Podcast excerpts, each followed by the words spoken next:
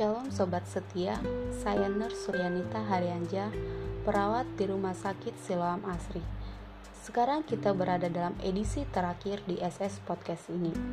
Sebelum merenungkan edisi terakhir dari pembahasan kitab pengkhotbah, saya mengajak Sobat Setia sekalian untuk mendoakan bagi gereja-gereja yang mulai menjalankan ibadah onsite. Kiranya Tuhan memberkati jalannya ibadah yang berjalan. Saya juga mengajak Sobat Setia untuk mendoakan mahasiswa ATP 2017 Fakultas Keperawatan Universitas Polita Harapan yang sebentar lagi akan mendengarkan pengumuman penempatan pada tanggal 22 Oktober ini. Kiranya di mana pun mereka nanti ditempatkan, Tuhan selalu memberkati di setiap pelayanan mereka. Nats Pengkhotbah 12 ayat 9 sampai 14 akan menjadi perenungan kita dan akan dibacakan oleh Nurse Alfredo Surya Kusuma Layardi. Terima kasih untuk support bagi SS Podcast. Kiranya Tuhan menjadikan pelayananmu kepanjangan kasih Tuhan bagi pasien yang kau layani dan kiranya Tuhan juga memberkati keluargamu.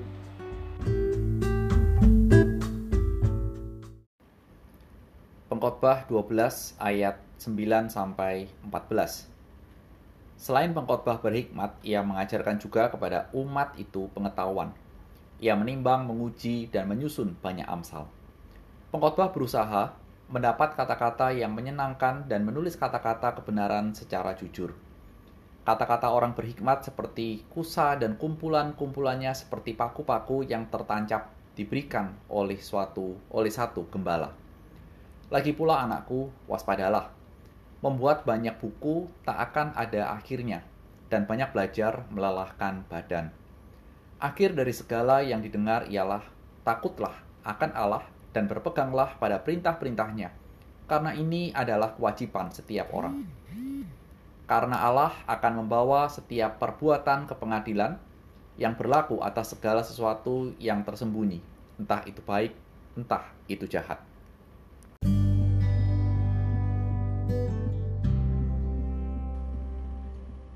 Sekali lagi terima kasih kepada Suryanita dan Alfredo yang meskipun tidak bisa memberikan support, thank you untuk semuanya. Dan terima kasih untuk segala feedback dari sobat setia dalam setiap renungan SS Podcast. Inilah seri terakhir perenungan kita bersama dari pengkhotbah. Dan tema kita hari ini adalah hidup hidup itu singkat. Dan mari kita berdoa. Bapa kami ketika kami sadar hidup itu singkat, biarlah firman-Mu menerangi pikiran dan langkah kami hari demi hari. Demi Kristus, amin. Sobat setia, ada banyak gambaran tentang kehidupan dalam dunia ini. Ada yang bilang hidup itu seperti musafir yang berjalan cepat menuju suatu tujuan.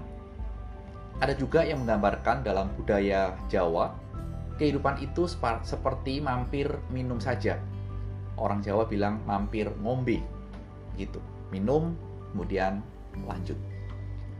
Inti dari penggambaran yang ada adalah menekankan sebuah perjalanan hidup menuju kepada kehidupan yang abadi dan menekankan bahwa hidup dalam dunia ini singkat atau super singkat.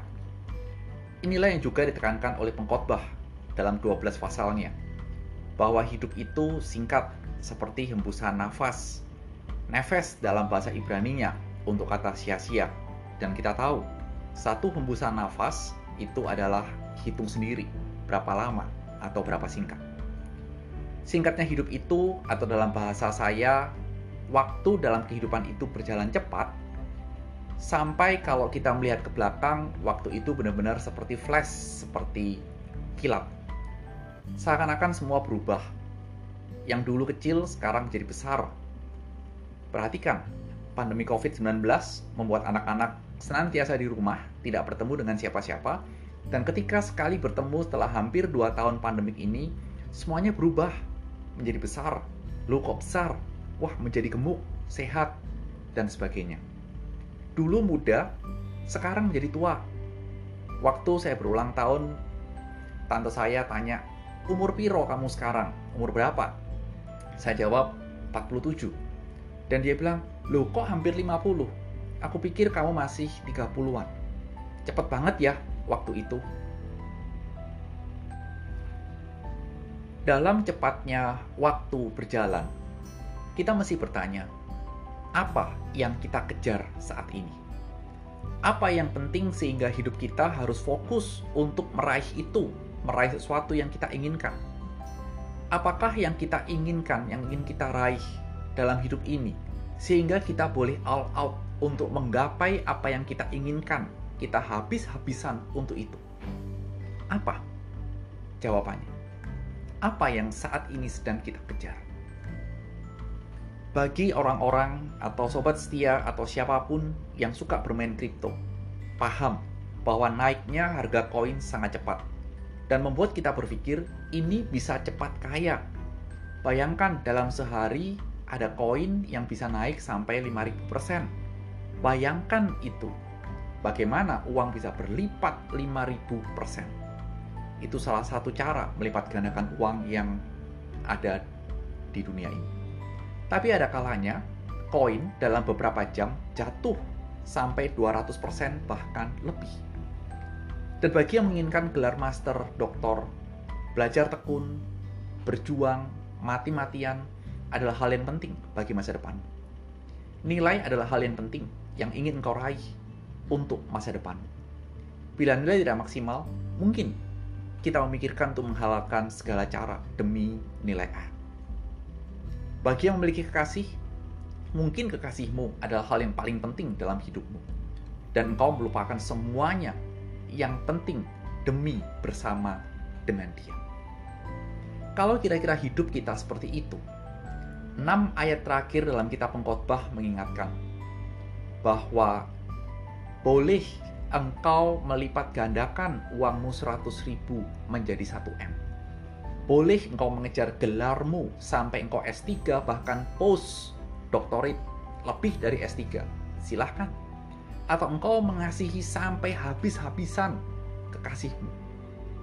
Tapi pengkhotbah mengingatkan, semua yang ada dalam dunia ini dan yang sedang kita hidupi ini, kita mesti menyadari bahwa hidup itu singkat benar-benar cepat, pendek, dan yang paling penting apa?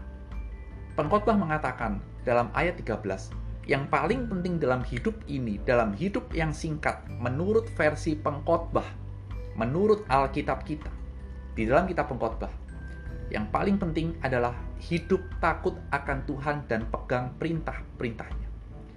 Tidak ada yang lebih penting daripada itu. Lalu kita mikir, apa artinya?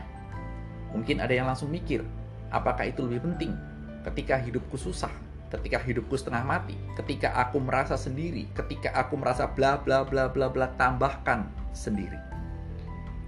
Apakah itu paling penting? Dan apakah artinya dari ayat 13 ini? Sobat setia yang dikasih Tuhan, saya akan menjelaskan sesederhana mungkin arti dari ayat 13. Silahkan hidupmu merencanakan apa pun. Misalnya memiliki kekayaan sampai sekian triliun. Welcome, itu boleh. Tapi ingat, hiduplah nurut sama Tuhan. Kalau Tuhan mengaruniakan kekayaan kepadamu hanya, let's say, ngomong 1M, syukurilah itu. Karena yang paling penting adalah pegang perintah Tuhan dan hidup takut akan Tuhan. Bila engkau ingin studi sampai S3, dan memang Tuhan mengaruniakan kepandaian kepadamu, pengajar-pengajarmu, dosen-dosenmu, guru-gurumu mengakui engkau super pandai, kejarlah dan carilah kesempatan studi sampai S3, bahkan lebih dari itu. Kalahkan gelar dari dosen-dosen yang mengajarmu. Namun ingat, kalau Tuhan hanya membukakan kesempatan sampai S2, sampai master, atau bahkan hanya S1, terimalah itu dan jangan kutuki Tuhan. Karena bukan gelar yang paling penting dalam hidup yang singkat ini, tapi hidup takut akan Allah, hidup nurut sama Tuhan. Itu yang paling penting dan tidak ada yang lebih penting dari itu. Sehingga kalau nanti tiba waktunya kita harus meninggalkan semua yang ada dalam dunia. Kekayaan kita, gelar kita, prestasi kita, apa pun itu, bertemu dengan juru selamat kita, kita bisa ngomong, Tuhan, aku udah nurut lo ya, Aku nggak pernah protes ke Tuhan. Meski nyesek, kan aku pinter, aku S2. Ada kesempatan. tapi Tuhan tutup atau S2 saja nggak ada kesempatan, bagaimana aku S3? Tapi aku tetap nurut loh ya. Dah beres semua ya Tuhan. Kalau itu bisa kita katakan, dan kalau itu terjadi, imajinasi saya membayangkan. Mungkin dan berharap kira-kira Tuhan akan bilang begini. Aku tidak buka kesempatan buat kamu studi S2 atau S3. Supaya kamu tidak naik pangkat, supaya karirmu di rumah sakit itu ya kamu nurse, supaya kamu ketemu pasien terus. Aku mau melalui kamu, pasien-pasienmu yang belum kenal aku, Tuhanmu, merasakan kasihku melalui kamu. Dan kamu tahu, lihat tuh sekarang, si ibu ini, si bapak ini akhirnya mengenal aku. Karena dulu engkau rawat dengan baik dan tahu bahwa engkau adalah anak Tuhan yang hidup taat menuruti perintahku. Bagaimana kalau Tuhan menjelaskan seperti itu? Atau, aku mau engkau tetap jadi dosen, jadi guru, nggak usah kuliah lagi. Supaya apa? Bisa mengajar dan berinteraksi dengan si itu tuh, si murid, si bandel, si itu tuh. Supaya melalui interaksimu, kamu bisa memperkenalkan juru selamatmu kepada mereka. Dan lihat, melalui satu anak itu, satu keluarga mengenal aku. Sobat setia, kalau itu terjadi, sia-siakah atau bermaknakah hidup kita dalam waktu yang singkat? Terlihat selama proses di bawah matahari banyak telunjuk mengarah kepada kita dan bilang, pintar tapi cuma jadi nurse doang, jabatan nggak naik menjadi Don, Director of Nurse. Ngapain hidup seperti itu? Melayani pasien terus. Itu menyakitkan. Dan pasti membuat dadamu mau meledak seperti bom atom. Namun selesai proses kehidupan di bawah matahari, ketika Tuhan menjelaskan semua rencananya, pertanyaannya adalah sia-siakah hidupmu? Tidak. Itu ibaratnya seperti meminum air es di tengah-tengah dahaga dan cuaca yang panas terik, dingin, lega. Dan saya rasa lebih dari itu. Plus ditambah dengan kalimat dari Tuhan kita. Kalau Tuhan bilang begini, anakku, sini, masuklah dalam perjamuan bersama dengan Bapamu yang di surga Wow, itu rasanya benar-benar tidak bisa dilukiskan.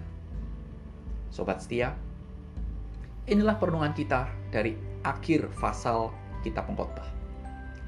Yang sekali lagi mengingatkan hidup kita singkat dan yang paling penting dalam hidup itu adalah hidup takut akan Allah dan menuruti perintahnya. Selamat berakhir pekan. Tuhan memberkati.